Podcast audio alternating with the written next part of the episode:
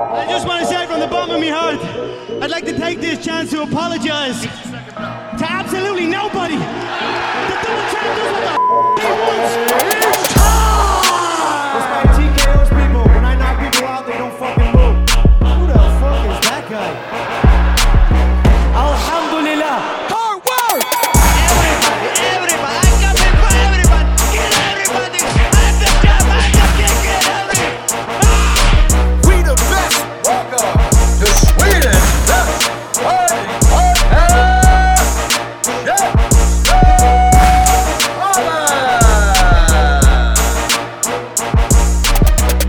Yo! Välkomna tillbaka till Käftsmällspodden, en podcast om fighting. Jag heter Asha Tafari, jag är tillbaka här i studion och idag ska det snackas Muay Thai. Eh, den 10 september är det dags för Muay Thai for Life 3.0. Studion är fullspäckad. Till min eh, höger har jag Patrik Thomsen, grundare av Lignoy Promotions och grundare av Muay Thai for Life-serien. Vi har Emil Bjarnestad från Tullinge Muay Thai, Sebastian Wende Martinez, Allan och Neil Layton och Andres Viracka. Det är Super Layton Bros. ett jävligt fett matchkort eh, måste jag säga. Känns som att det stegar upp gång för gång. Eh, Muay Thai for Life har enligt mig gjort det jävligt bra från start. Eh, du har ju fått, vi, vi snackade tidigare i podden, eh, berätta lite grann om din resa. Hur du har liksom börjat eh, dippa tårna lite grann i, i det här arrangörsgrejen liksom och eh, arrangerat SM och samarbetat med Bulldog och AK och de här och nu har du din egen serie.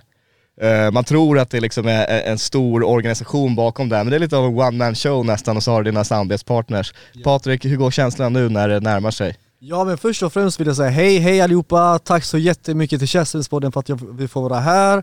Tack så jättemycket för sponsringen till Muay Thai for Life 3.0. Det är, ja, det är sponsorer som Käftsmällspodden som gör att vi faktiskt kan göra det vi gör. Och när jag säger vi då så menar jag me, me myself and I liksom, för att jag är lite schizo liksom, vad ska man säga? Det är jag och Lignoi du vet. Nej men ja, det är lite one man operation, men, men med det sagt, jag har jättemånga människor omkring mig som supportar mig, hjälper mig. Emil Bjarnestad här till exempel som står bredvid mig. Uh, alltså vi snackar ju i telefon nästan varje dag liksom och jag bollar frågor med honom och han, han backar mig hela tiden liksom. Och alla mina andra sponsorer som Ascari, Bulldog, uh, Svensk Kosttillskott har varit med väldigt mycket. Uh, alla mina sponsorer, tack så jättemycket, tack Käftsmällspodden, skitsamma nu kör vi.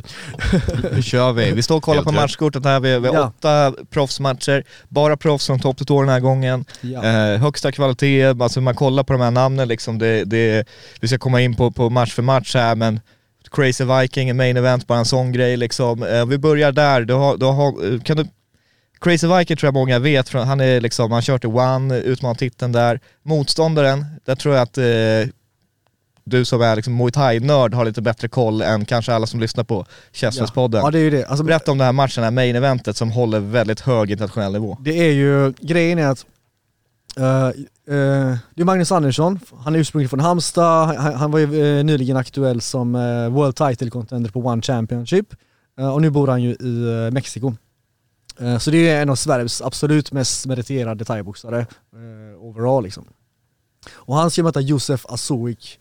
Och det är en, det är en marockansk kille från Danmark som har 74 vinster, 6 förluster, 42 knockouts.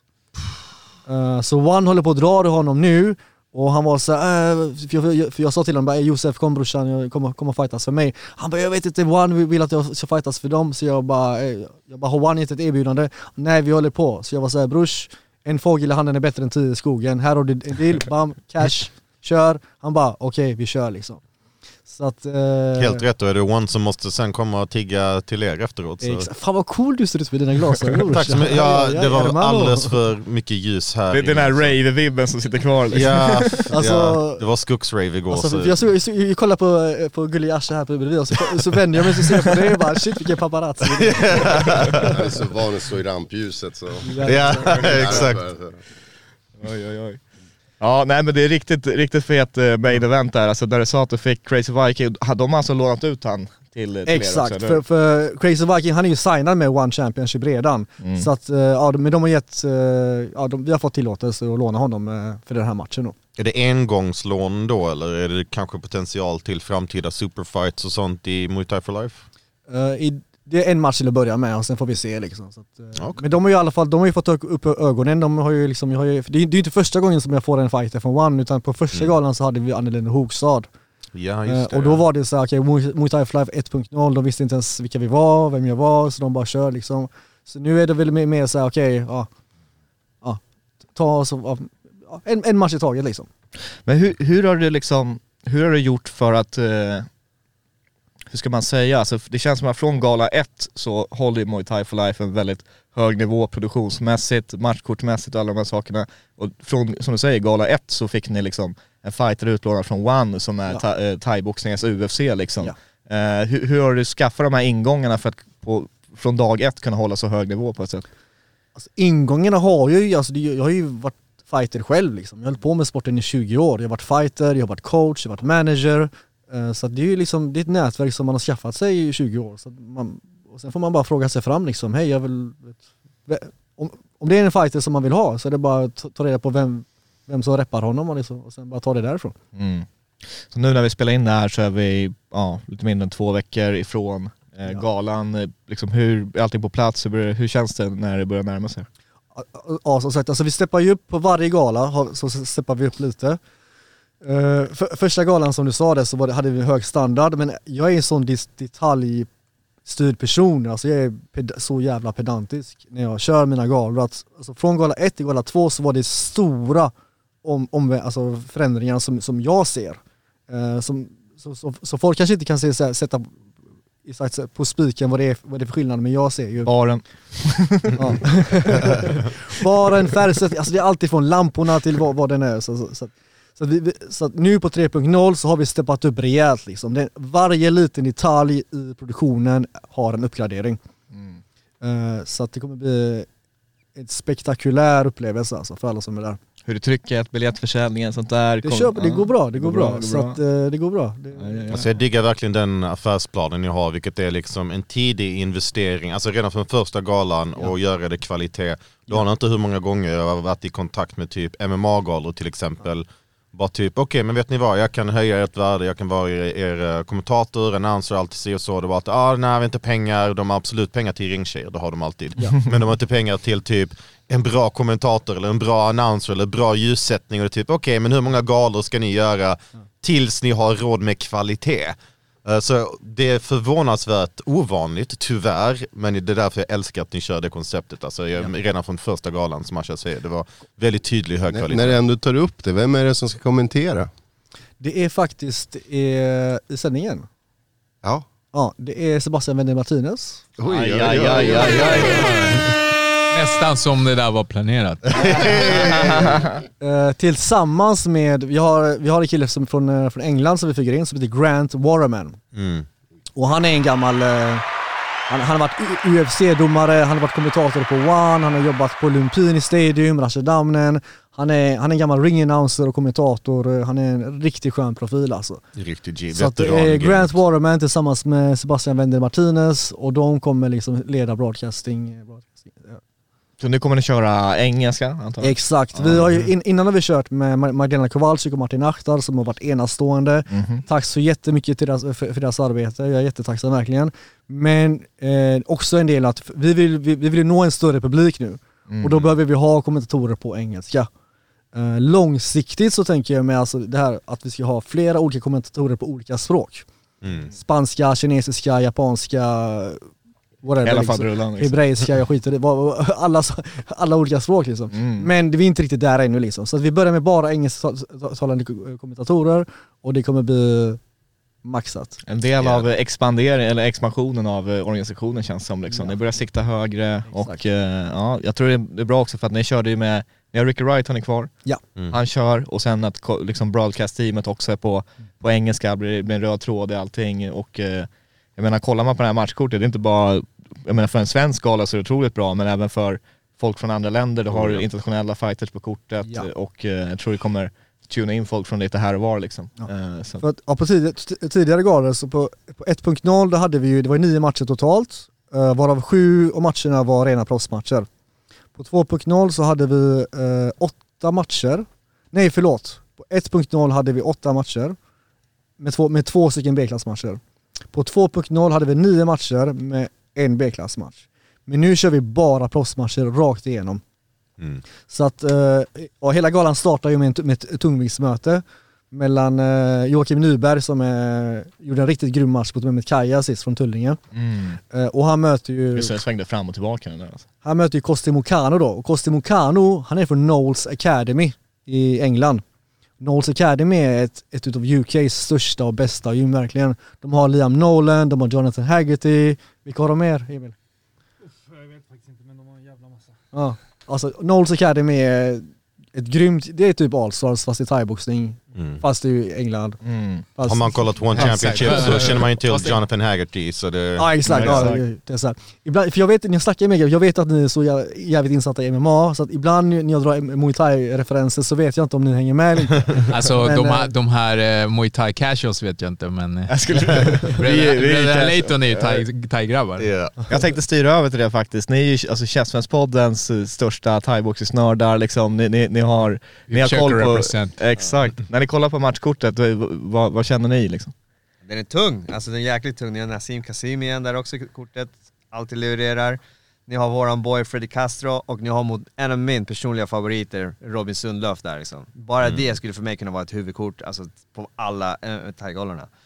Alltså, ni har Fleece där som dyker upp i kortet, ni har ju hur många bra fighters som helst där liksom. Ja. Och det här är det som vi pratade om sist du här, att hur du matchar ihop de här, det är, du känner ju dem, du vet vilka som passar bra, du hittar dem och det är all respekt liksom, det är hur bra som helst. Ja tack, tack. jag är personligen jag, är- jag är väldigt nöjd faktiskt. Jag är, jag är stolt över vad vi har åstadkommit. Ja, alltså, och från min sida är det här. Jag tycker Sverige har hållit hög klass i thai hur många, Mm. hur länge som helst. Eh, Och vi har växt upp med typ människor som legender. Jag blir typ lite irriterad att när jag nämner Jörgen Krut nu på dojon så bara tomma blickar. Det är alltså, och det är det, det jag tycker ni gör bra.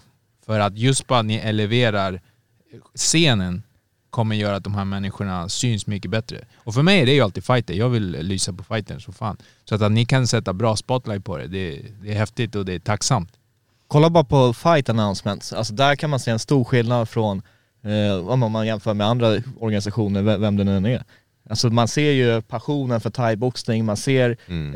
eh, liksom det här lilla extra för att verkligen tala om hur fett det är att eh, Crazy Viking kommer hit och allt som han har, du liksom radade upp deras accomplishments eh, på, på ett sätt och, och, och eh, ja, men bygger upp deras profiler och, och, och fångar den här storheten i, i, i varje match och, och även hur deras stil är och eh, hur de, de matchar ihop på ett sätt så att, så att man får en ganska klar bild av, jaha fan det här är en fet match att kolla på.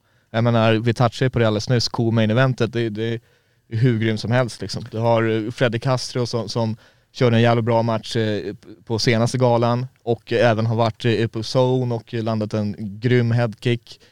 Robin Sundlöv, han, han har alltid visat liksom en otroligt hög nivå. Första galan hade han en av de bästa prestationerna på kortet. Sist så vart det någon freak injury där eh, med, Ja, med Dat Ja. Men- Datwangs axel gick ju led i första ronden där så att det var lite tråkigt. Känns som att han när, han när han börjar köra liksom pro och, och, och, och i din gala, han håller en väldigt solid nivå liksom och man ser att han är en av de tuffaste i Sverige. Hur kom den här matchen ihop och, och, och vad, vad kan man förvänta sig där?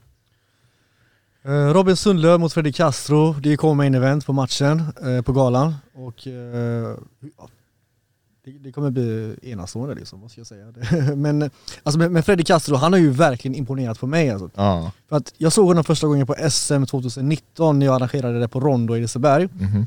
Och då visste inte ens jag vad den här grabben var liksom. Han kom så och jag bara oh shit fan. Okej, det, det, så han fightas ju inte som en ortodox thaiboxare. Men det han gör det funkar och han vinner. Och så då vann han ju mot Kenny Hong då i finalen på SM och Kenny Hong var ju stor favorit då liksom. Så hela thaiboxning-Sverige blev ju chockade, bara vem är det här Castro liksom? Vem är han som kommer från ingenstans? Så kom han in och sen gick han ju någon proffsmatch på Empire tror jag. Där han vann också. Sen hade han ett uppehåll där i två år. Ett, eh, han var ju tvungen att...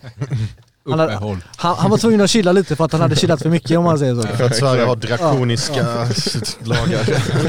Ja. Men det där är inga hemligheter liksom. Han har, han har ju varit uppe med det på Ja, det finns ett avsnitt här i Käftsmällspodden där, där han berättar eh, allt som händer.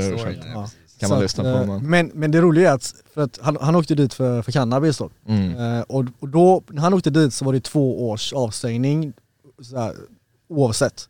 Nu har de ju ändrat reglerna. Så att åker du dit för cannabis idag så är det, först får du två år, men om du säger ah, nej men det där är bara för skojs skull liksom för så här casual grej, då, då säger de okej okej då får du tre månader. Och om du så går med på något typ, vad vad kallas det, uh, typ rehab-grej eller någonting, ja då får du en månad liksom.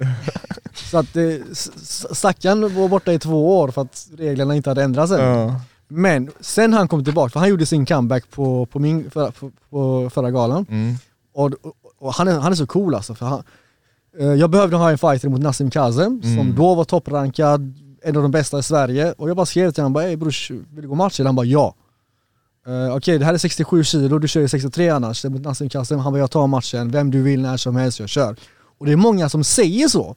Sådana jävla instagramkrigare som bara anytime, anywhere eller Och sen när man ger dem ett, ett erbjudande så bara nej nej men eh, kan, kan vi gå ner ett halvt kilo eller nej kan jag få en annan motståndare? Försöker avtala sig ur matchen. Ja men, liksom. men Freddy han är inte sån. Han, Nej. bara, han bara, jag mötte vem som helst när som helst och jag bara okej, Nassim Kazem, Muay Thai for Life 2.0, 67 kilo, han bara okej bra, vi kör. Jag bara okej. Eh, Så kom han ju till Göteborg och han vann ju Nassim, det var Mm. delat domslut i och för sig men det var en riktigt... Det var värsta kriget. Ja, ja det var ju värsta krigarmatchen liksom. Det var ju Det var, alla lätt, bara... det var den bästa på, på, på kortet. Rent. Och sen har ju Castro, gick ju han eh, kickboxnings-SM i Göteborg. Ja. Just det. Där vann han ju, jag tror han knockade sig igenom hela kvalmatchen där liksom.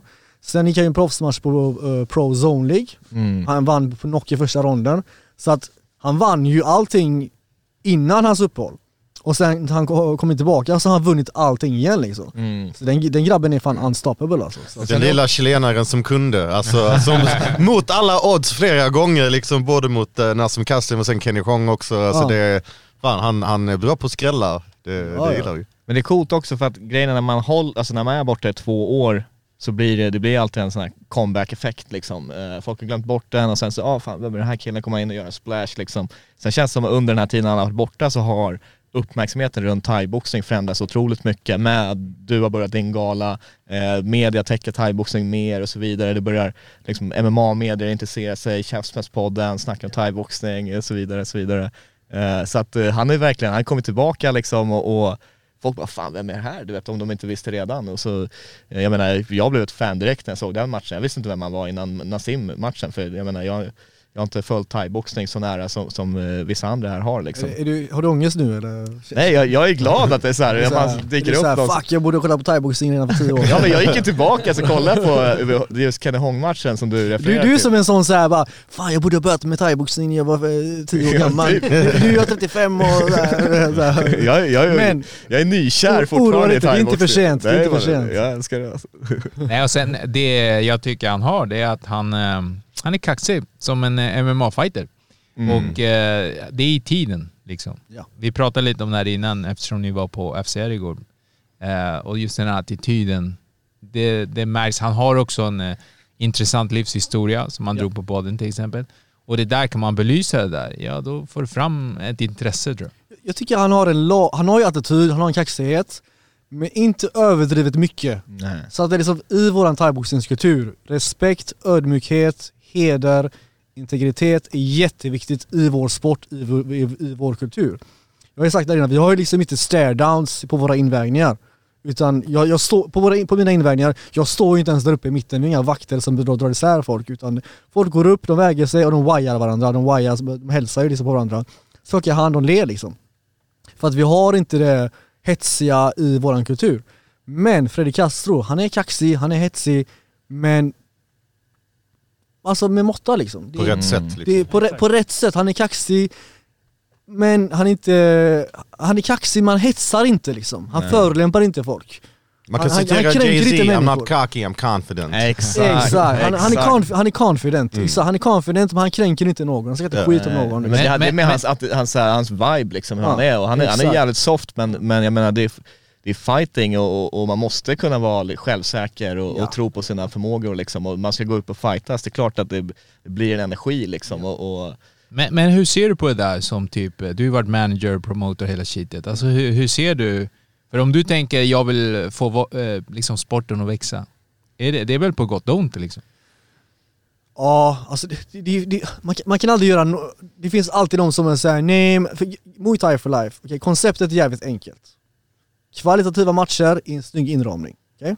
Det, det, det, det, det är så, så att jag vill inte ha så här influencer fighters och youtube fighters, jag vill ha kvalitativa, riktiga, professionella thaiboxare som faktiskt kan representera sporten. Um, och så vill jag göra en så snygg produktion som jag bara kan, en bra inramning. Uh, förlåt, vad var frågan? Nej men just det, här- just det här att, för, för du, du nämner ju typ att thaiboxare ska ödmjuka och det är någonting vi har märkt på podden att typ thaiboxarna brukar vara oftast så softa. Ja. Och jag skulle säga att ibland kan det vara lite för mycket. Speciellt om Ja. du vill synas. Alltså om du vill göra ett namn. Ja, jo. Det... Var, var kaxig, var confident, gör din grej, var dig själv, men liksom kränk inte någon. Liksom. Mm. Och, och det är och idag är det jävligt svårt att inte kränka någon idag. Jag tänkte precis på det, hur ska man inte kränka någon i dagens samhälle? Vi har, vi har kränkt typ sådär tre olika grupper bara i detta avsnittet 20 minuter in. Kränk inte någon enligt, enligt mina definitioner. Men samtidigt så är det också så här att du vet med hela den här Conor McGregor-eran och sånt där, det spårade ur ett tag, det blev påklistrat och, och folk eh, gillade inte det till slut, det blev för mycket och då har det enligt mig också gjort att folk uppskattar autentiska personer mer, de som bara är sig själva. Kolla på Leon Edwards nu liksom, där har vi någon som aldrig har Eh, du vet, han, han har varit, som du säger, lite för, lite för soft och så vidare. Eh, men när det väl kommer till det där eh, kampsportsögonblicket där man ser eh, något fantastiskt hända, då, då, då blir folk känslomässigt involverade i det här liksom. Och det känns som att det, det, det finns många sådana ögonblick, eh, inte Leon Edwards liksom, det, det är en helt annan nivå av, av genomslag såklart, men jag menar när man kollar på Muay Thai for Life så är man där för att uppskatta fightingen på ett sätt. Och det är, det är inte showmanship inblandat och trash talk och, och jidder liksom utan man är där för att kolla på grym thaiboxning. Eh, och att det är så pass proffsigt event på ett sätt gör ju att, eh, att, eh, eh, nej, jag kommer inte ihåg vad jag skulle säga. Du blev lite ofredad av Andreas på Ja. vägen. Så. Det är bara jag som tycker att detta main eventet har lite people's main event energi Ja. över Ja men det, det är så. Alltså grejen är så att, för att, för att för Castro kom in och så, och så vann han över Nassim Kazem. Mm. Robin Sundlöv är från samma klubb som Nassim det, ja, Kazem. är han, ja. Så det är så här, Robin kommer in i lite så här revenge du vet. Han ska Mm. Liksom vinna tillbaka äran liksom. Det där är också kaxigt med, personal. det där är också kaxigt med Fredrik Castro, han kommer att plocka folk i Göteborg hela tiden. Ja. Varje gång han är i Göteborg han vinner på SM, Ja. och Kenny Hong, Kenny Hong är från Halmstad i och för sig. Men, så han vann ju på kickboxing SM, varje gång han är i stan Ja. så vinner han. Ja.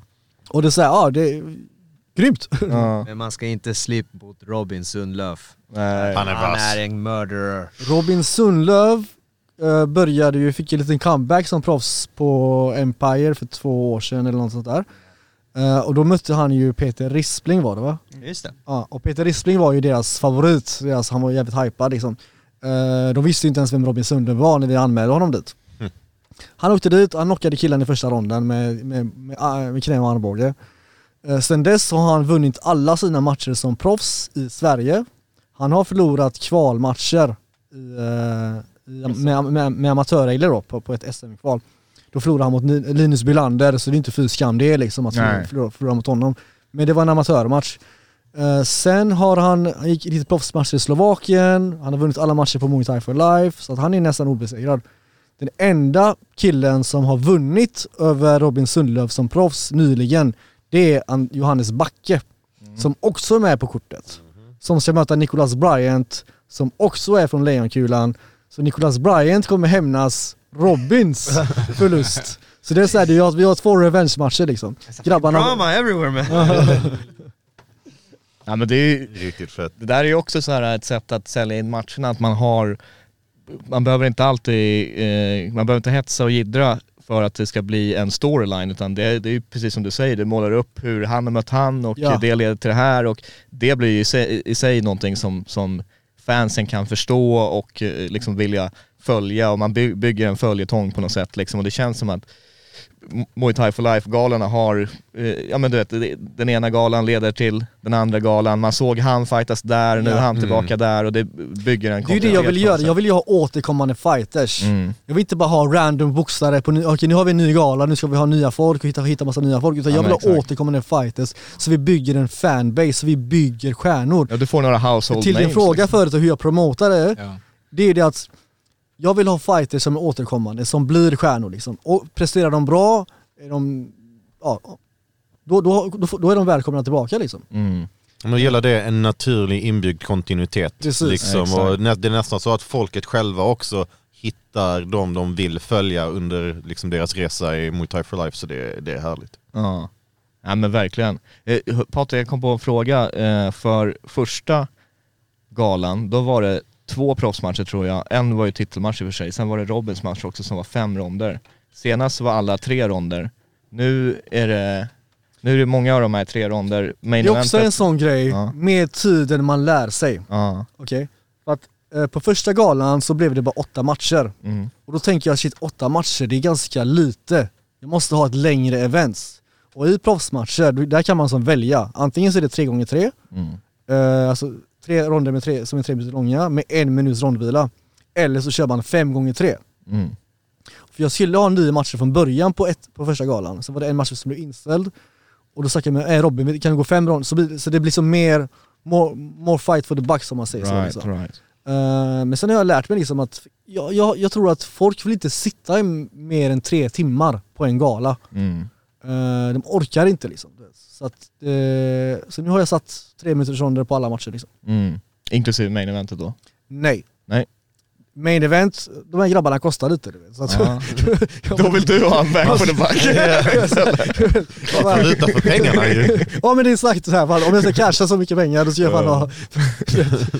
ja, men men, kommer vi, kommer vi följa det konceptet framåt då? Att man liksom som UFC kör, det är five round headliner och sen tre ronder i resten? ja liksom. det är, väl det, det, är väl det, eh, det är väl det jag kommer köra. Ja. Liksom, alla matcher är tre gånger tre förutom main event-matchen. Men om det är bältesmatcher då blir det fem ronder liksom? Men det är en bältesmatcher, ha- då måste det vara fem Ja. ronder enligt Mm. eh, Right. organisationen. Men det är bra också för det, blir också så här äh, logiskt för de som följer galan liksom, istället för så här, varför är den matchen fem ronder och inte Precis. den och så vidare. Så, ja. Jag vill ju bygga upp liksom, jag vet ju att de som följer UFC och sånt, de har ju koll på eh, 167, eller, de, de kan det där, de vet, de, de vet om, förklara, ni vet ju bättre än mig liksom. Mm. Av vad det är för, för sorts fighters som ska förväntas och sådana grejer. Och jag vill ju också göra en sån liknande grej, Mm. att folk förstår, okej det här är liksom före matcher, det ser ut så, main event är alltid fem gånger tre och så vidare. Liksom. Mm.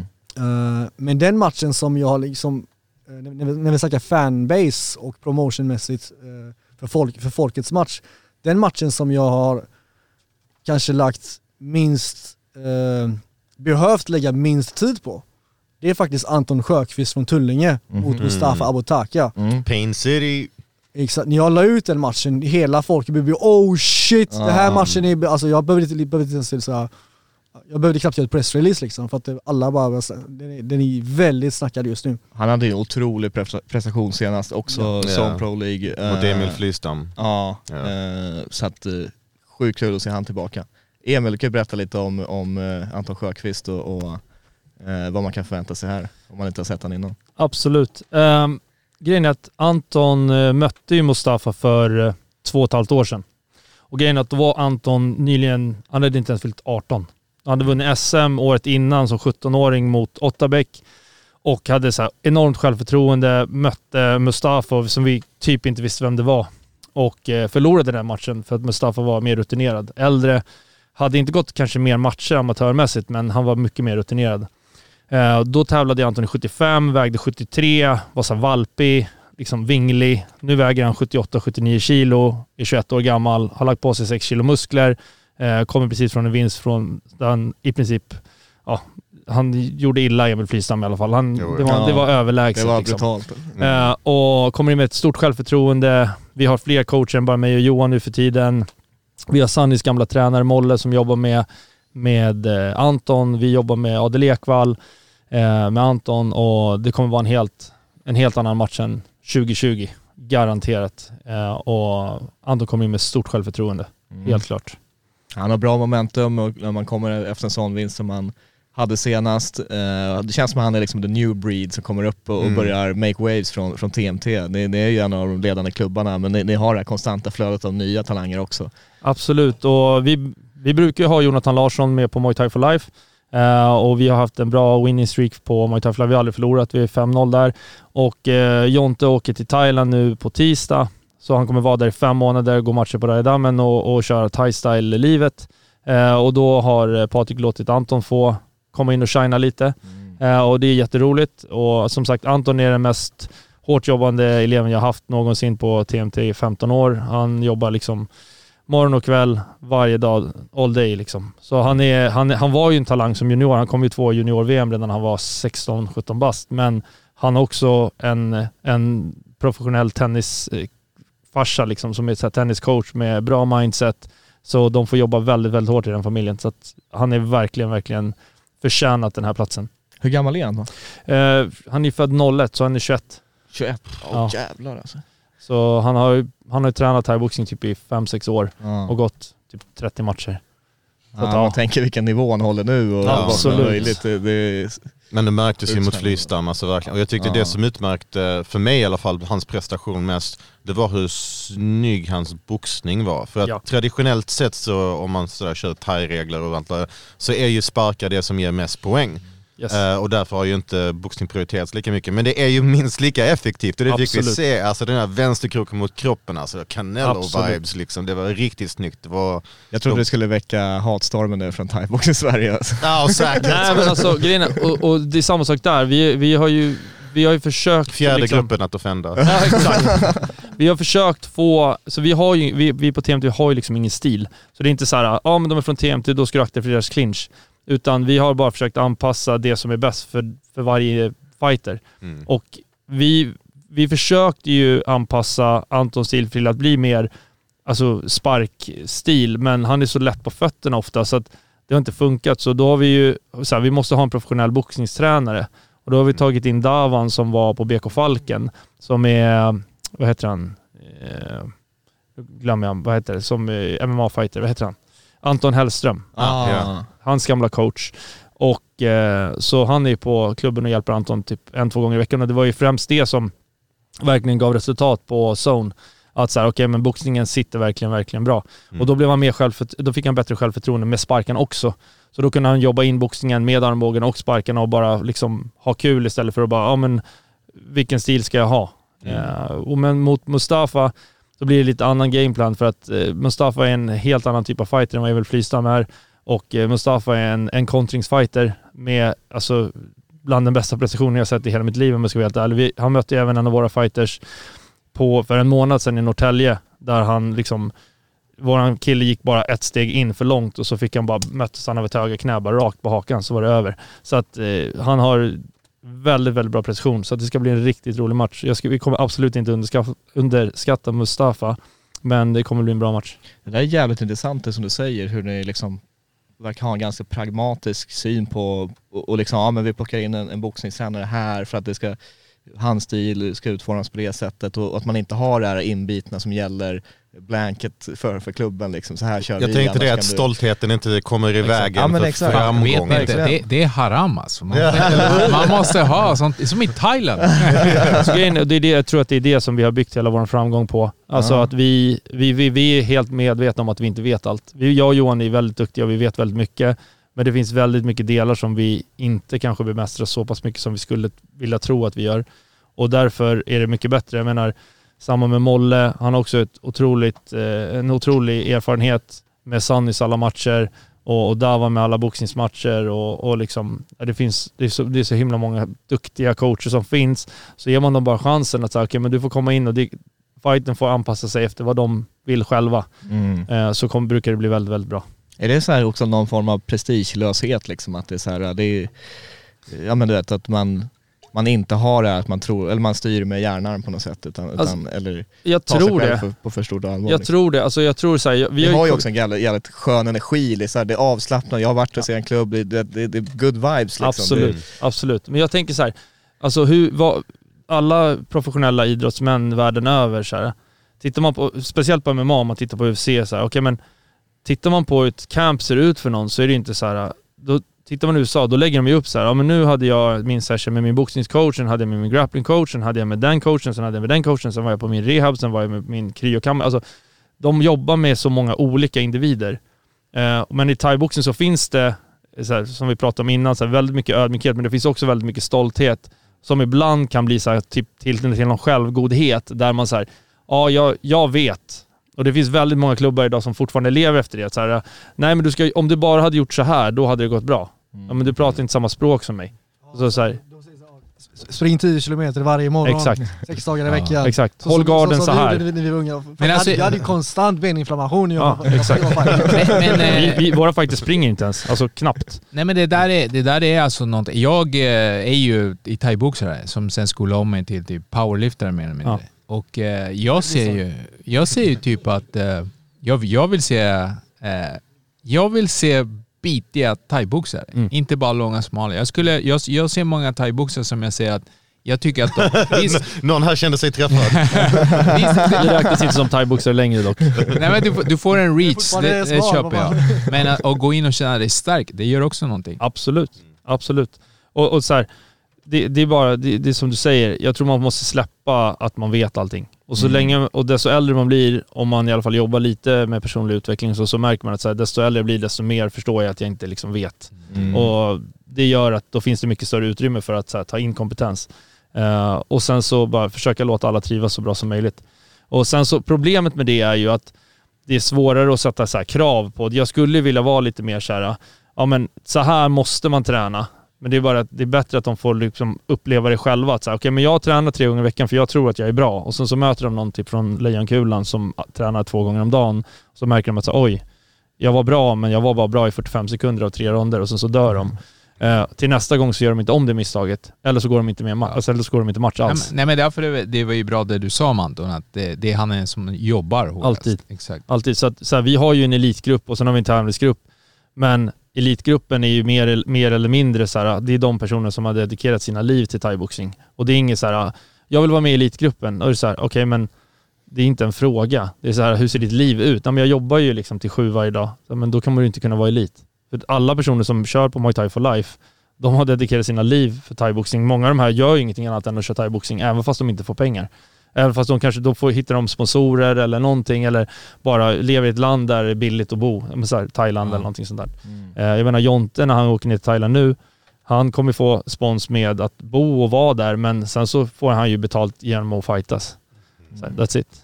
Kan du berätta lite om eh, Anton Sjöqvists uh, smeknamn? För att jag tycker det är ett av de bästa smeknamnen jag har hört på länge. Pain City, alltså det är klockrent. Alltså grejen är, grejen är hur, hur hela Pain City-grejen började. Från början var ju att vi... eh, Anton tränade så hårt och sen har vi några andra killar på, på gymmet som också tränade väldigt hårt och det här var typ tre fyra år sedan. Och då, och då var det alltid en så här, när vi blev trötta och alla liksom ville ge upp så var det alltid någon som sa så här, åh nej, vill du ha din mamma nu? Så här, så här, åh, The vill asshole gråta- kallar vi dem vill, på vill, våran vill, klubb. vill du gråta sin mamma?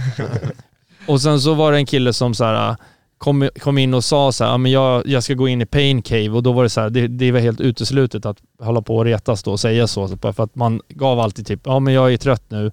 Så var det inte Muhammad Ali som sa så här, ja men hur många sit-ups kan du göra? Ja men jag börjar bara räkna när jag inte orkar något mer. Mm. Typ, det, och det är bara för det är bara de som räknar, för det är bara de som kommer ge någonting i alla fall. Det spelar ingen roll om jag gör 50 sit-ups som jag kan göra 500. Ehm, och lite den mentaliteten har ju alltid Anton haft från sin farsa och sin familj och hur han har jobbat. Så då blev det så här, pain, först var det så här, ja men jag vill ha min mamma, så blev det så här pain cave och sen så var det någon som sa typ pain city och sen så blev det en grej ibland, en liten klick på klubben på typ så här 7-8 pers. Och sen så, som så här, de var pain city för de klagade aldrig. Och sen så blev det typ så här, ja men då blev det Anton som fick sa, alltså ta det namnet eh, för att, som fighternamn. För att han var den som jobbade hårdast och, och troligtvis kommer alltid vara det. Och han har ju varit skadad liksom med både det ena och det andra och liksom, han kör på ändå. Men hur, eh, hur gör du typ att en sån arbetshäst inte skadar sig? Säger du åt han, nu måste du ta det. Nej, alltså han, för delvis är hans pappa väldigt bra på det där. Och så, så har vi ju samma sak där, vi har ju tagit in, vi har ju naprapat och rehabfolk och sånt som jobbar med oss hela tiden också. Men, eh, så, så, så här, men vi är för dåliga på skade, skadeförebyggande. Och det tror jag de flesta klubbarna, de som säger att de inte är de snackar skit. I sådana fall så är de det för att de inte tävlar. Men vi är för dåliga på det. Ofta så kör man ju lite för mycket och lite för länge innan man märker att okej, okay, okej shit, du har en fraktur i skenbenet liksom.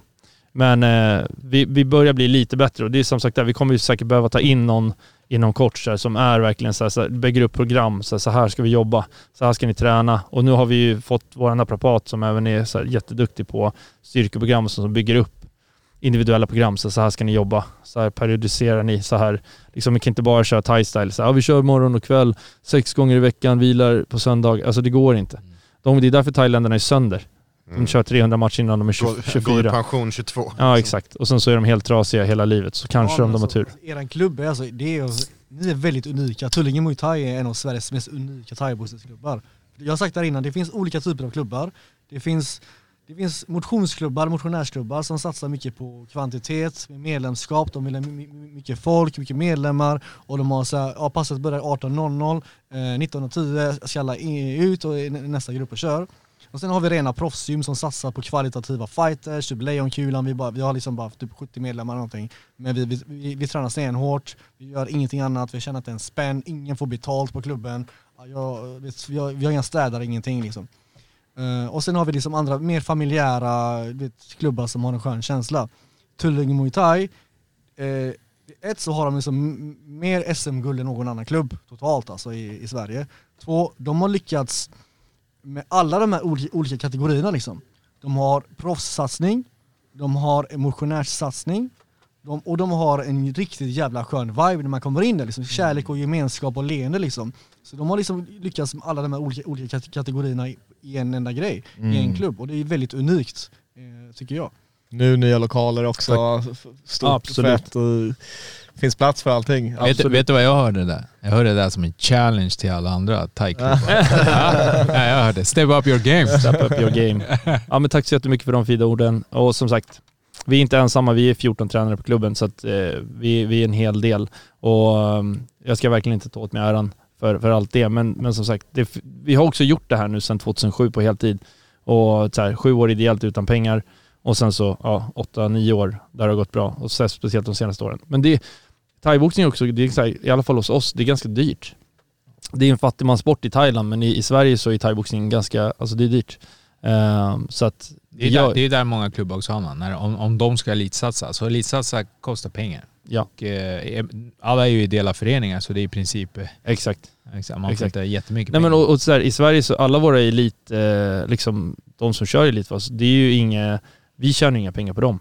De får ju alla pengar. Ja. Så att, och så här, det är ju inga pengar ändå. Så att då är det så här, då får motionärerna betala för eliten. Istället för att eliten tar in en massa pengar till gymmet som kan gå till motionärerna. Exakt. Så att det är lite omvänt. Men ja, det är så Men det, ser håller, det, håller vi, det håller Lingoj på att fixa nu. Mm. Exakt, exakt, exakt. Ska vi se tillbaka till eh, matchkortet lite grann. Eh, vi har ju eh, Nicholas Bryant, eh, när jag såg att han var tillbaka här så eh, blev jag jävligt taggad för att han, han körde på första, han var första headlinern. Eh, han är en av de här eh, posterboy-grabbarna liksom, eh, som, som ni har i organisationen. Eh, alltid kul att se han fightas. Han har vunnit hur många SM-guld? Eh, tre, jag. SM-guld, ja. Och han vann ju bältet sist. Han eh, har Europatiteln i VMC, VMC. World Muay Thai Council, som en av de mest prestigefyllda or- organisationerna. Mm. Eh, jag vet inte riktigt, det är väl säkert lik- liknande i MMA men i thaiboxning det fin- det finns ju väldigt många olika, olika orga- organisationer Mm. som har liksom världsmästare hit och dit och vi kallar det för Ka- Kalle Anka-bälten liksom. Ja. För att det är så här, här är en world champion eh, i någon så här WKKK, lalala, XZU från, eh, från, från så här långt bort i stan. Baserad i Alabama eller vadå? Nej, men de är så baserade så långt, långt bort i stan du vet. Så. Eh, Men sen har vi liksom det, VMC, liksom en, av- en av världens mest prestigefyllda organisationer och Nicholas Bryant har ju Europabältet där. Mm. Eh, så att, ja. och då han mötte ju franska mästaren och det, det är så här, jag som promoter, jag kan inte bara säga okej jag vill göra en titelmatch med, med, med VMC. De måste godkänna våra fighters och då säger jag hej jag har Nicholas Bryant och då hade han ju fått silver eller brons tror jag på amatör-VM i IFMA då. Och IFMA är ju en, också, de är också associerade med, med, med VMC.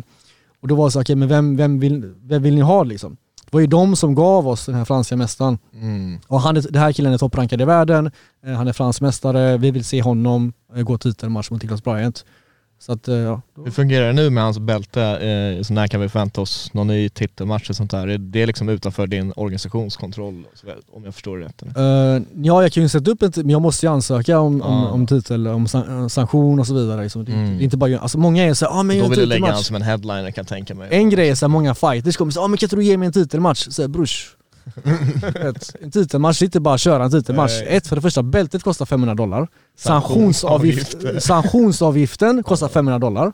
Eh, och sen, nej nej, ja. Sen är det så här, okej, det måste vara minst så här, internationella domare. Det måste vara supervisors, det måste vara supervisor, för det, det, det, jag kan inte vara supervisor på titelmatch. Utan den organisationen måste flygas, måste flygas in då en supervisor för den. Så att en titelmatch utan fight personerna, Mm. Bara i avgifter, är typ 30 lax. Så det är så här, ja. Då måste det fan vara värt det att sätta ihop Ja, det. Då men ska exakt, det vara det så här, stora vet- namn som, ja, som 30, 30 lax, det, det låter inte så mycket om såhär, okej, ja, men du, fan, du är superpromoter och du, du jämför dig själv med One, One FC och UFC och allt det där. Ja, nej det är inte dagsläget. Men, men, grej, men grejen är att eh, man måste få återbäring för pengarna liksom.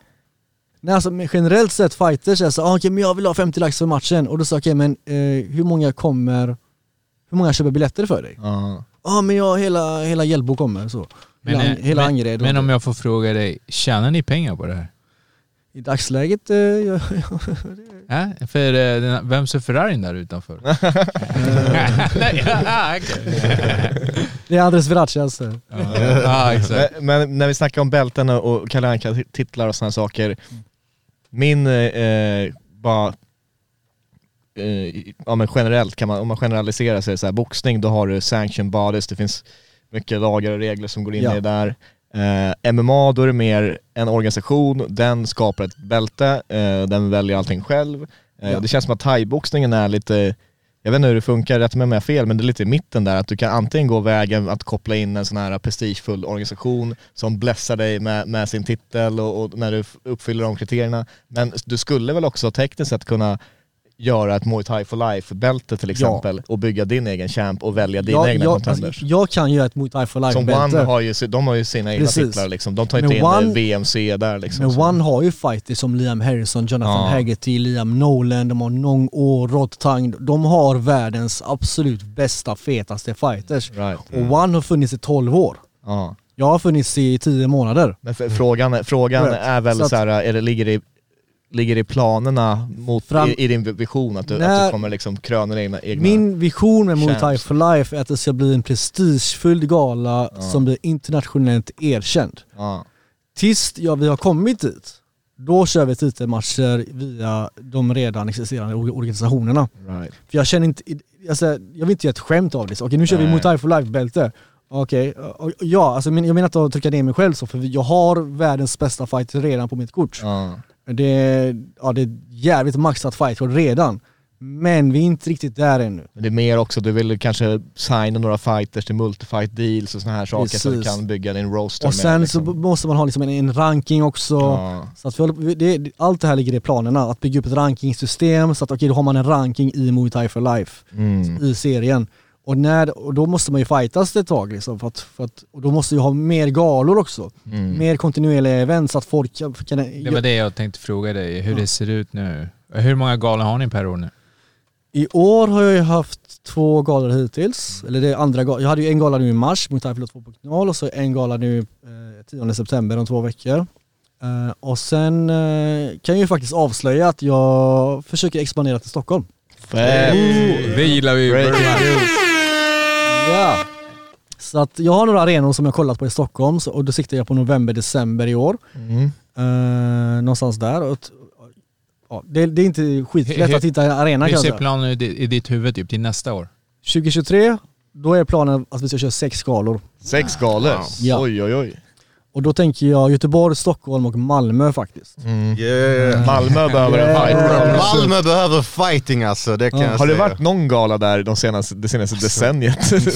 Fan knappt alltså, det har inte varit någonting sen Trophy MMA och Nej. fan, Superior var där to- 2012. Ja exakt. Ja så det är typ, ja, som du säger, decennium. Ja, typ. det, det är Men vad, vad är det, det svåra med att hitta här i Stockholm? Det, alla, Ja. alla arenor är fullbokade. Ja. Alla, alltså, jag hade en preliminärbokning på Annexet faktiskt. Eh, men ma- jag fick inte in mer än 1200 pers där. Eh, och deras hyra var, Absurt. det var nej, det, det var ett ord som jag hörde häromdagen som jag ville använda. Uh, fan var det? Skitsamma, vi tar det sen. Och så, nå- nå- något jävligt coolt ord i alla fall. Så här. Ja. Me- eller någonting. Samma. Men nej men ja, det, det, det är inte så jättelätt att hitta bra lokaler i Stockholm som är lediga. Fett man- med events hela tiden överallt. Ja men precis. Precis nu efter corona också, alla, alla artister kommer in och Ja. Ja. eh, sådär. Eh, eh, Ja, kör, kör. när vi snackar kontinuitet, bygga serier, bygga roster, ranking, alla de här sakerna. Eh, jag tänker någonting som man ser ofta i thaiboxning också som gör, som förenklar för att liksom följa fighters eh, och deras, deras vinst leder till någonting och, och ja, men det bygger en röd tråd. Det är ju turneringsformat sådana här saker. Ja. Eight man tournaments här, fyra man, du vet vi har Kim Falk nu som går upp i Muay Thai Grand Prix heter det va? Mhm. Eh, Road to One är det. Eh, är det någonting som vi kan se i Muay Thai for Life i framtiden? Liksom att man eh, eh, sprider ut det kanske över ett antal galor, man har en final eh, och Precis. kanske inte har en champ då men du kanske kan ha så här ett turneringsbälte, som, den som vann just den turneringen till exempel. Och så vidare. Ja, det, det ligger också i mina planer faktiskt. Precis, det att- att- låter att göra som typ- typ lite gamla K1-system. Ja men lite Grand. Prix-style. liksom. Jag Ja, älskar men precis. turneringar. Ja. Bring it back please, please! Ja men det har, jag, jag, jag har sagt här innan att, att gamla KS Skandinavia, äh, gamla Rumble of Kings, jag har fått väldigt mycket inspiration från dem. Eh, så att mitt koncept är, alltså jag, jag, jag får inspiration från många olika galor. Det var väl så allt började, eller hur? Var inte det din SM-final som arrangeras av de grabbarna, Rumble of the Kings? Var det inte? Eh, jag gick ju SM, ja precis faktiskt. Fakt- Och så ja. hade de Sunshine på kortet och grejer. Nej de hade, det var SM, jag gick SM-final 2006 i Solnahallen.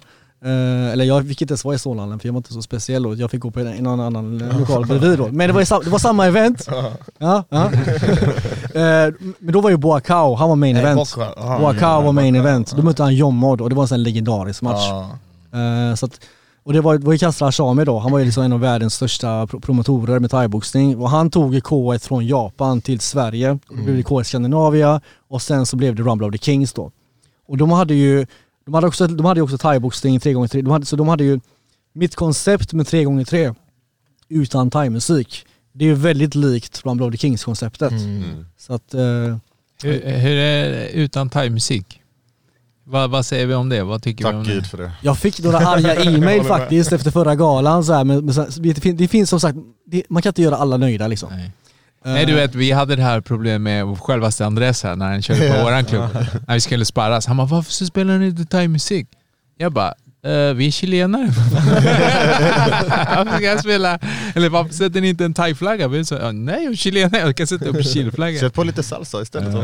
Nej men jag är, för jag, är, jag personligen är, inte alls traditionell eh, thai. Alltså jag, jag gillar det, jag, jag gillar thailändarna, jag tycker alla de där legend, legends, vet, Sanchai, Boakao, alla de här. Men eh, de är thailändare och jag förstår att de har det. I Sverige, Grejen är, det, galan heter Muay Thai for life. Det måste också, du vet, keep life, alltså keep, alltså överleva. Mm. Och f- om thaiboxningen ska överleva, då måste den modifieras, den måste moderniseras. Ja. Därför är det inte helt, galan att heter Muay Thai for the 90s. Liksom. Exakt. Det, Muay det, Thai forever.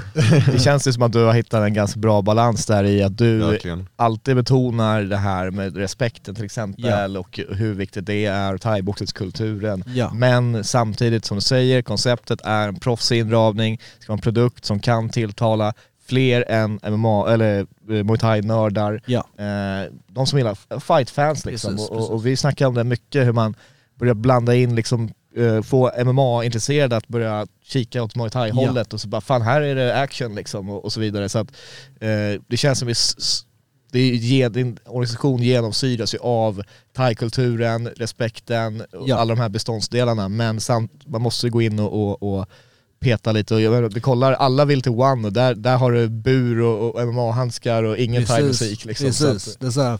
så, så det, det är folk som klagar på mig, vad får du inte thai-musik för? ja. Vissa, vissa fighters då liksom. Okej men eh, du klagar att du, du, men du, samtidigt på min egna gala så säger du att du vill, du vill till One. Ja, ex- ja men exakt. Mm. Men, men, och där har vi också så här, du har Vi-Cruise men du har inte thai-musik liksom. Precis, alltså jag försöker att behålla vissa traditionella moment Ja. som jag tycker är väldigt essentiella för eh, thaiboxningens kultur, för vårt för arvet liksom. Och det är till exempel, vi har ju Y-Crew. Y-Crew är ju det att de, alla, och alla måste ha Moncol, huvudbonaden, när de går in, Mm, när de går in, när de går in i ringen. Och så gör de eh, Y-Crew, de, de, de, de går runt, de kör ett varv runt, ring, runt ringen och sen så kör de ju tre stycken bugningar och sin dans liksom. Mm. Och det är ju för att de, när man kör Y-Crew, eh, man, man hedrar ju sina tränare, Mm. sin familj och sin, eh, sin tro, sin religion, om det är buddha, islam, eh, Hare Krishna, whatever liksom. Mm. Det, eller om man är vegetarian eller whatever. Liksom.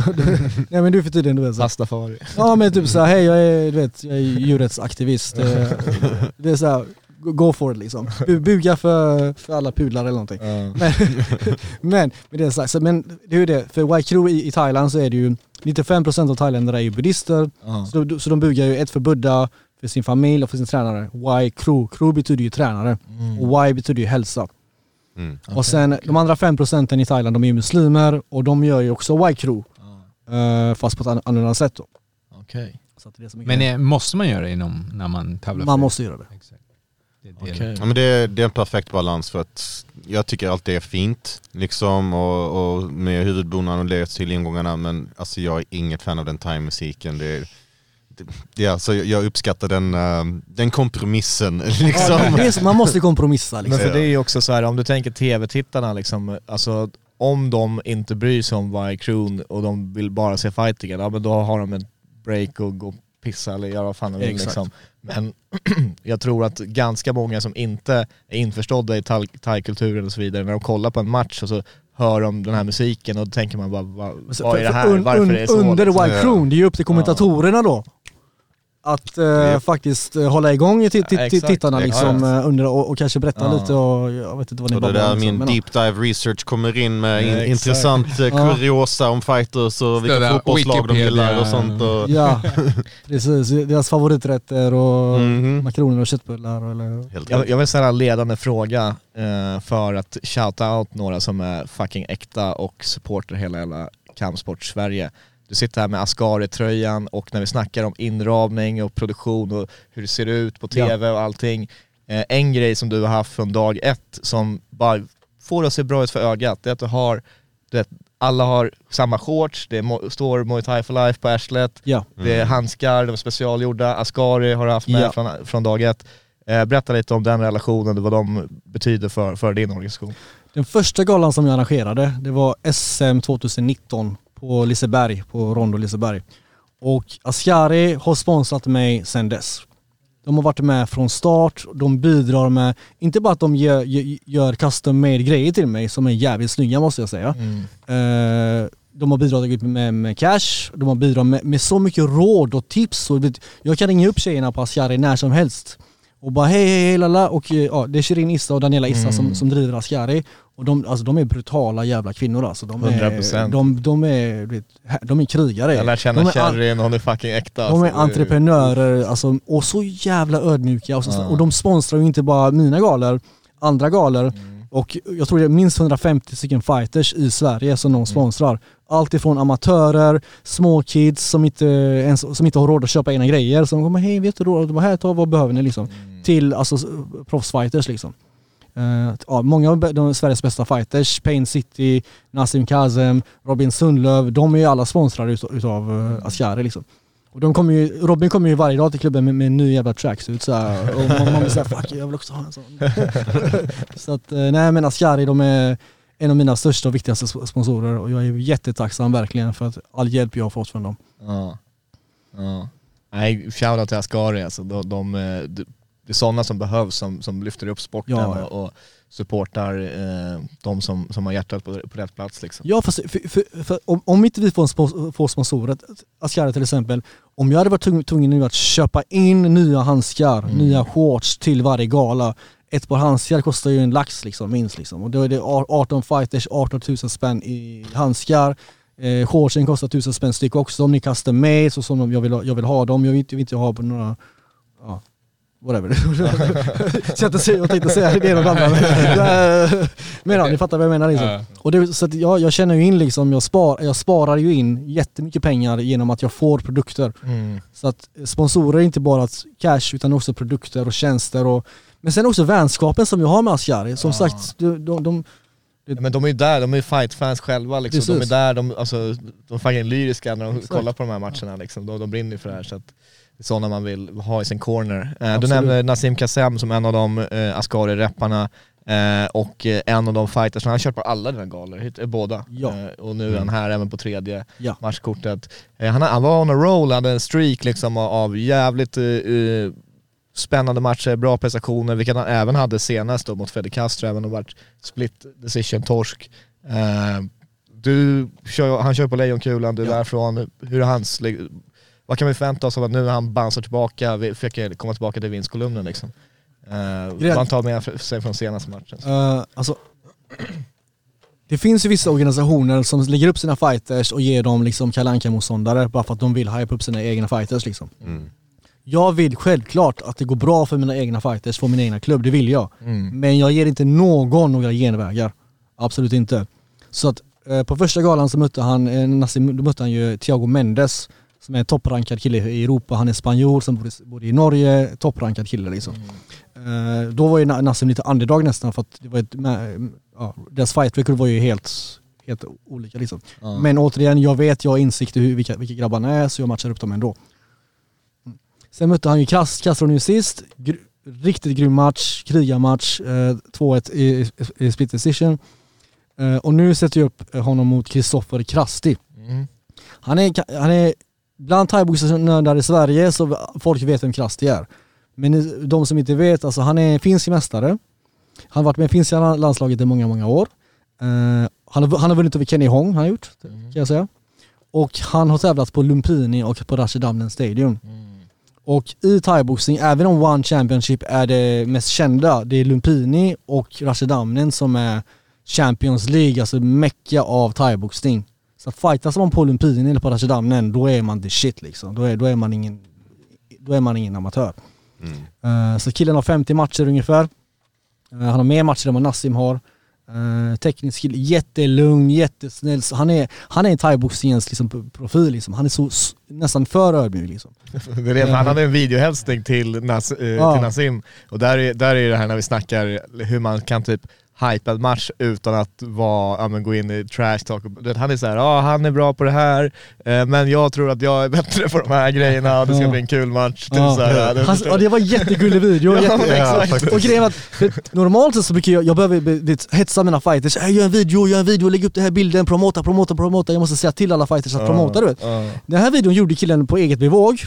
Och, skick, skick, och ballade upp den och skickade den till mig. Och jag ser killen så, jättefin, snäll, finsk pojke, med, så med sin hund vid en sjö. Ja, exakt. Och bara så, hi guys, hi guys, hello everybody med sin finska brytning och bara yes I'm very excited. Och det, han såg så lite och bara, ja, grymt. Och så, man, man bara blir glad och ser liksom, okej brorsan kom, du är välkommen liksom. Vet du inte vem han är, då blir du chockad när du ser Ja, han i, ringen. Liksom. fighting, Ja. Han, ser, han, han ser absolut inte skrämmande ut. Sådär. Nej, verkligen. Men i ringen är han ju brutalt vass alltså. Ja. Han är en riktig jävla nakmoj måste jag säga. Han är brutal.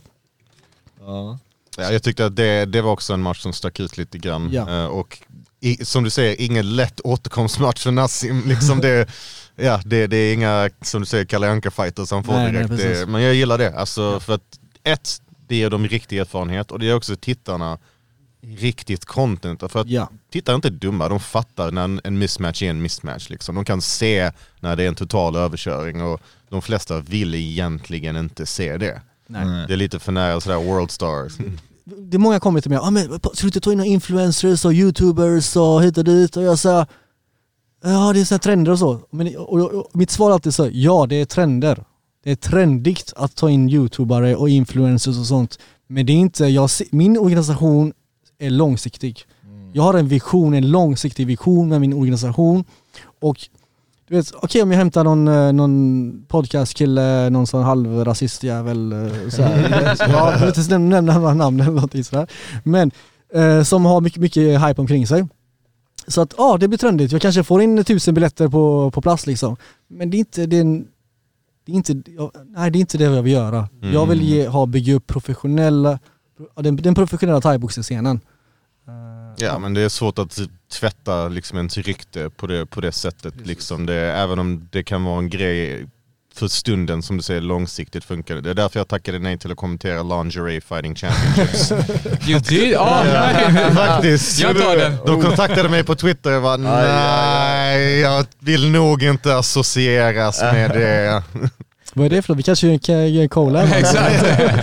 Alltså det är typ MMA, korsning med sån fake wrestling. Eller fake wrestling fast i Jag, MMA-sammanhang. jag hörde bara lingerie, sen... Och sen, ja, och sen så är det bara såna typ eh, Instagram-brudar Aha. i, i lingerie Börja med fightas. det, börja med det. Ja. Instagram-brudar, lingerie, nu kör vi. Så, nej men sagt, det, är- alltså, till exempel, jag har inte ens ringgirls på mina galor. Mm. För att jag tycker det är passé liksom. Är det Hur, faktiskt. hur, de här tjejerna, all respekt till deras yrke och så vidare, men jag känner inte att deras att de tillför inte min, min organisation någonting. Hur ska de, du veta vilken rond det är på? Herregud! Nej men typ, eller hur? Så att, så att det det är bättre att bara säga till Ricky, kan inte du bara ropa över högtalaren? Round, Ja. round two, ding ding ding ding! Och sen så hörs det ut till alla, alla Det är lite, alltså jag, jag pratade ganska nyligen med någon eh, väldigt högt uppsatt i, i MMA. Som, jag, nej. Nej, det, inom MMA tyvärr. Men som, eh, som, som de använder själva ringtjejer, men han sa liksom rakt ut, han bara typ, alltså de lever på lånad tid. Det är verkligen bara en tidsfråga innan vi skippar det och att vi ens har kvar det för att vi har ganska tajta relationer med någon sådär, men alltså ja, de lever på lånad tid. Jo men det är, så, det är någonting som bara har, eh, ja, men det, är så här, det har alltid varit så. Så, så Ja. det kvar liksom. Men någon gång så, det kommer nya organisationer som väljer att inte ha det och det, det, det är direkt någon som protesterar emot det. Bara, vart, vart är ringtjejerna? Nej, mär, men det är, det, det är inte som att man märker när det inte är ringtjejer. Nej. Det enda är, alltså på ibland är det på galan, de har galor, så jag, jag är, går, springer runt som en uh, Mr Bonanza liksom, överallt, överallt och ingenstans. Så det kommer alltid någon gubbe som är halvpackad så Hör du, är det du som är boss här eller? ja, jo. Hur kan jag stå till tjänst liksom? Var fan är ringbrudarna någonstans? jag packar göteborgare-jävel. och jag bara, ja, nej vi har inga tyvärr men eh, ja. Det, det där är ju två grejer. Det är typ att brudar slåss så mycket mer nu. Alltså de är med i att slåss. Mm. Det finns, Ja, ja alltså, det finns ju extremt grymma tjejfighters. Exakt, och då, det känns, då kan det kännas lite respektlöst att ha typ brudar som är bara där för syns skull, liksom eye candy som går omkring och bara håller en liten lapp. Och så har du typ monster som ska kriga liksom. Ja, Vet men det hon, blir lite eh, weird liksom så här. Ja. och det, det, jag menar det finns ju, jag kommer, nu kommer, kom, jo vad heter hon? Frida Wallberg.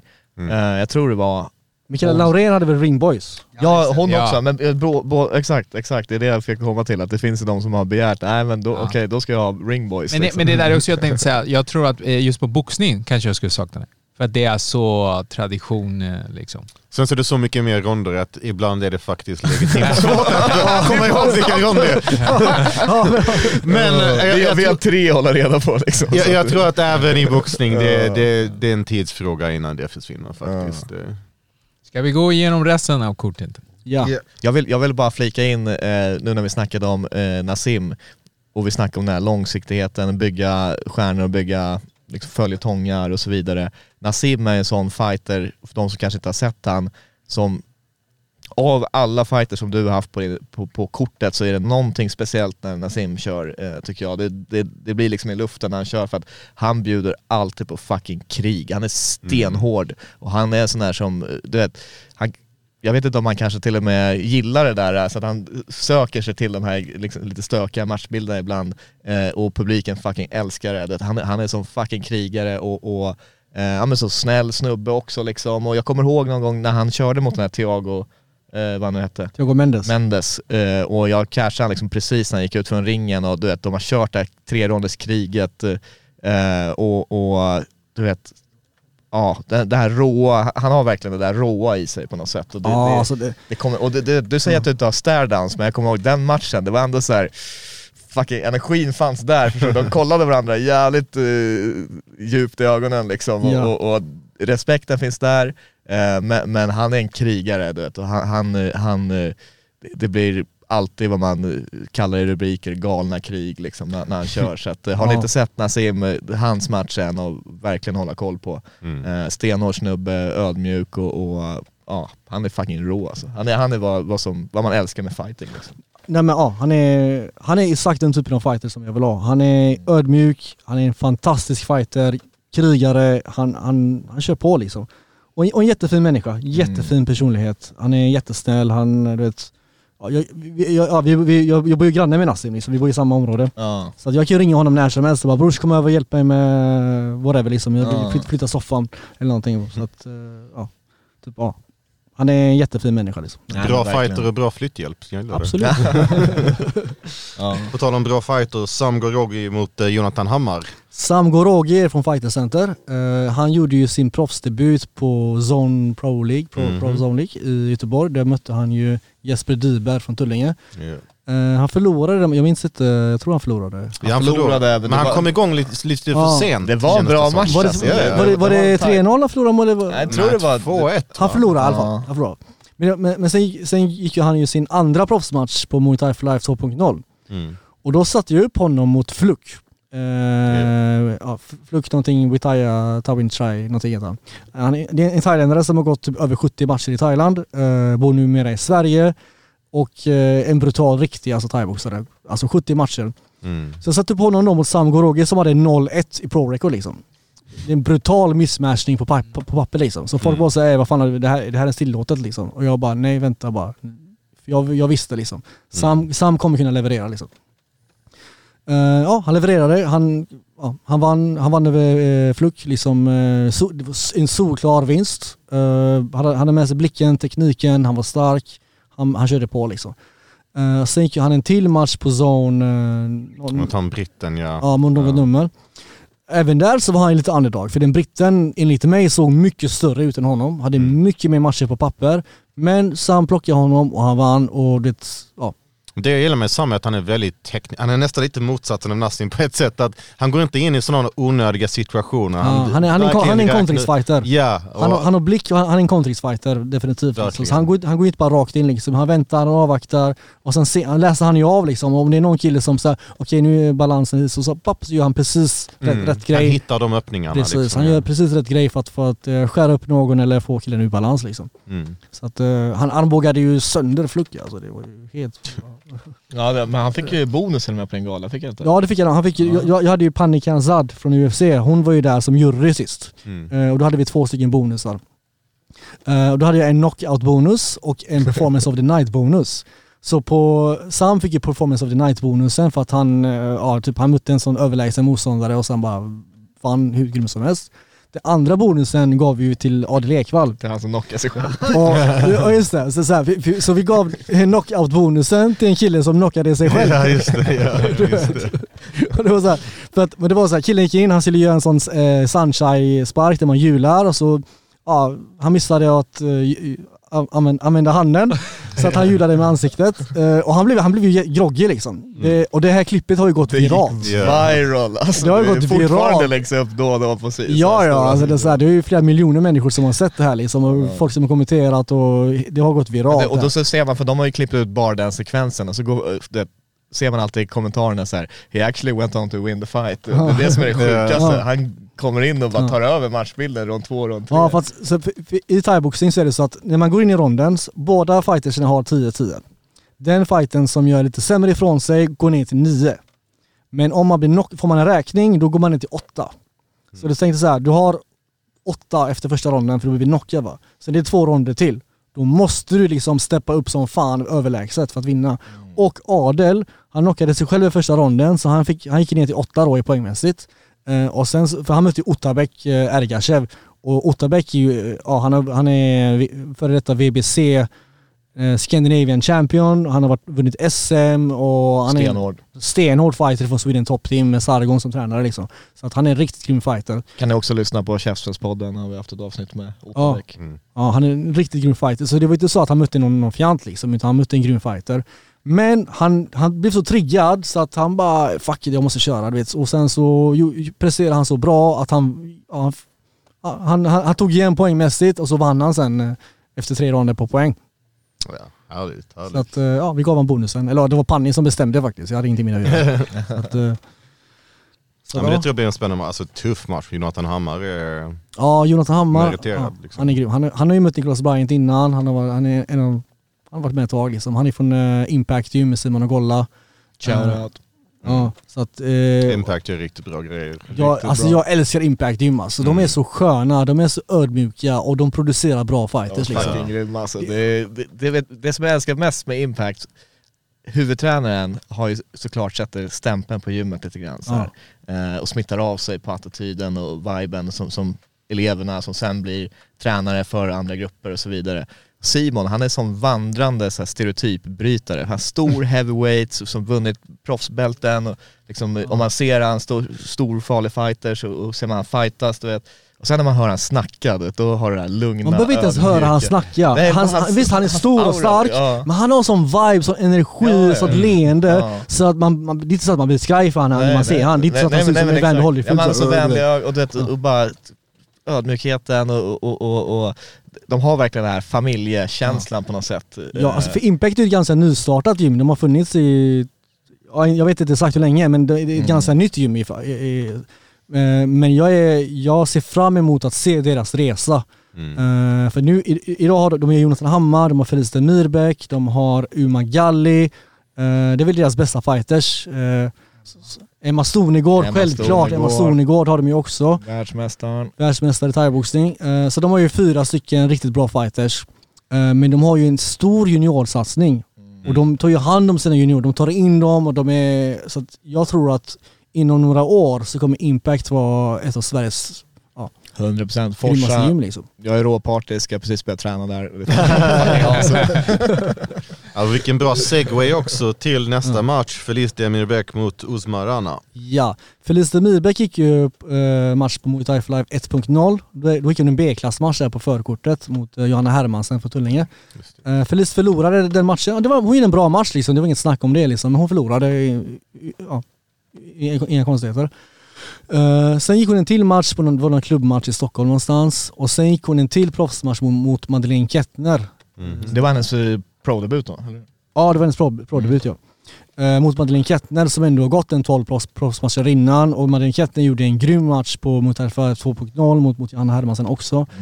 Eh, och jag var ju där på plats liksom på, på, på zone och, jag, och när, jag, när jag såg Felice liksom, hennes blick. Mm. Hon var där för att förstöra liksom. Hon var där liksom, vet, metodiskt bara ville köra i över Madeleine Kettner. Ja. Och jag, hade, jag såg en sån utveckling från Muay Thai for Life 1.0 och sen när jag såg henne på zone, det var sen en helt annan fighter. Det är så här, hon har steppat upp rejält. Så jag bara direkt efter hennes match, jag bara gick fram och bara hej Felicia jag vill ha med dig på nästa gala. Mm. Snälla vill du vara med? Hon bara ja snälla jag vill, vill vara med. så, ja. så att ja, hon, hon ska vara med och hon ska möta Uzmarana. Uzmarana är en eh, grym fighter från Norge, hon är norsk mästarinna. Eh, och har tävlat mycket i Thailand liksom. Så att, eh, tekniskt stark, det kommer bli en jävligt bra match. Felice är också en uh, Käftsmällspodden ambassadör så vi slår oss Det är hon, för ja. henne. Ja det visste jag inte ens men uh, woho. Yeah. Shoutout till Felice. Grymt alltså, ni har satt upp en eh, fet gala. Det här kommer bli jävligt spännande. Ja, det kommer bli brutalt. Verkligen. Ja, ser fram emot det här. Vi, vi touchade på första matchen där tidigare, med öppna direkt med stora eh, heavyweights också. Eh, såg Joakim eh, senast köra en back and forth action match. Ja. Eh, tillbaka nu. Eh, jag vet inte så mycket om hans motståndare. Motståndaren är Kosti Morano, en uh, rumänsk kille som uh, bor i England och kör på som sagt Knowles Academy som är en av UKs största gym liksom. Som har, de har ju Jonathan Haggerty, Liam Nolan och många grymma fighters. Mm.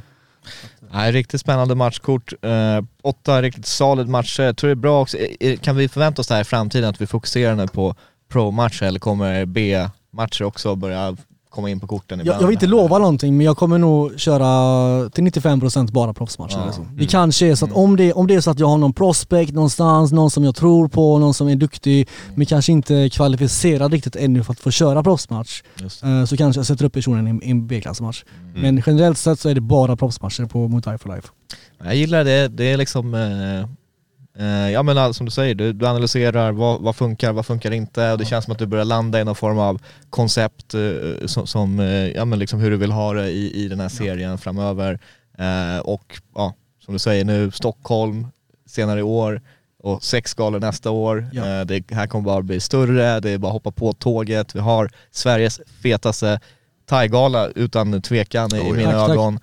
Eh, och eh, det, det känns som att du är på väg mot good things. Alltså det, Ja, det, tack, det här är tack. fett. Eh, jävligt kul att ha det här i studion. Mm. Eh, grymt avsnitt, fan jag är ännu mer taggad nu än när vi började. Ja, Eh, sjukt taggad. 10 september kör vi, Partille Arena, let's Ja. fucking go. Det finns biljetter kvar, ni köper biljetter på tixter.com. Ja, kör. Kom, det, det, vi har sålt en hel del biljetter redan, men det finns platser kvar så det är bara att komma. Det kommer bli jättebra verkligen. Innan vi Dunder. avslutar finns det en... eh, Veckans käftsmäll! Ah, jag, fan, jag, Hej. fan, jag har inte tänkt på det. Är inte det han som ska ha en käftsmäll? Var väl uh, Va? Stirring Shit Up? Är det- Stirring är Shit det Up? stämma med Paul? Ja, Var inte det Andrés som ville ge en käftsmäll? jag vet inte. Jag kan- Ja, hämta Jaha, adress. käftsmäll till eh, Patrik Persson menar du? Ja, han skulle vara en käftsmäll. Vem är Patrik men han Persson? har, han har, han, nej det var... Men frågan, han får ta det sen. han får ta det sen. MMA-drama, MMA-drama. Fly- fly- Vi tar det på Men vet, nästa du- men vet, avsnitt. du vad- över vet, du vad- jag vet inte ens vem den här snubben är okej, men jag backar Andres, Andres bra. Patrik Persson, min käftsmäll går till Patrik Persson. Okej. Ja, nej, Pat, Patrik, han är, han är, Han är stark. han är fuck, världens Så nästa säger ni det nu också efter jag... Jag, jag, jag kom bara på för att det men det hade nämnt att om en oskyldig människa Hey, liksom... stoppa Patrik on Patrick violence! Nej men eh, Patrik, förlåt. eh. Nej, jag, har ingen käftsmäll. i- Det, det, jag vet inte, jag känner jag är inte på käftsmällhumör. Jag, jag kan ge massa, jag kan ge massa rosor. Live and let live, love and let love. Ja. Ja mannen, det, det är bara good vibes over here alltså. Vi kan, kan vi inte jag, köpa jag, såhär... jag, jag, jag kan ge en käftsmäll till hur jävla varmt det var på FCR igår. God damn. Käftsmäll till Solnahallen. Min käftsmäll går till Bolt för att jag väntade utan flipp i typ 45 minuter på en Bolt som hela tiden typ 6 minuter, 10 minuter, 6 minuter, 12 minuter. Och jag bara, hur kan du gå fram och tillbaka så himla mycket? Och till sist så valde jag att ta Uber istället, vilket jag är glad för. Är det sponsrad av Uber eller? Nej verkligen inte men alltså shoutout Uber för att eh, åt, jag gav en dricks i alla fall till Ismail. Vet du eh, vad, jag Abu vill ge en käftsmäll till Uber. För att sist jag tog, åkte Uber så kostade det så här typ 800 spänn på en resa som brukar kosta 200. Jag hoppas jag- jag- Mikael Hellström var i stan eller någonting så att hela... Jag ger veckans ros till Bolt alltså. Mannen, jag har haft två, två stycken Bolt-resor på kort tid som varit fucking awesome. Jag åkte på väg, jag tog en Bolt hit till studion idag, eh, det var fett skön lirare, vi satt och snackade skit hela vägen, vi åkte typ 40 minuter, så fett soft. Nej, Vi, vi har inga rosor, bara Nej, vad- Bolt får en jag, jag, jag, jag, jag var i Holland nyligen, jag var på väg dit till, eller jag tog Bolt till TC, då eh, också så här, du vet, ibland man får, jag, jag svär, när du sitter i Bolt eller Uber, du vet så här, du kan få sådana dunderkonversationer från ingenstans med en främling, bara för att ni sitter där i 10 minuter, 20 minuter, varför, varför inte snacka skitet? Jag började märka det där när jag åkte så mycket Uber i, när vi var i LA för Ja. Gustafsson-galan, du vet, man, hur många bra konversationer som helst. Och då, jag vet inte, vi började snacka om allt och inget, och, och sen till slut, när han släpper av mig, han bara, av alla körning, det här det är det bästa. bara, ah, tack min broder, fan det var dunder. Så, Shoutout till Bolt säger jag. All right. All right. Nej men dunder avsnitt, eh, missa inte Boy Time for Life, peace!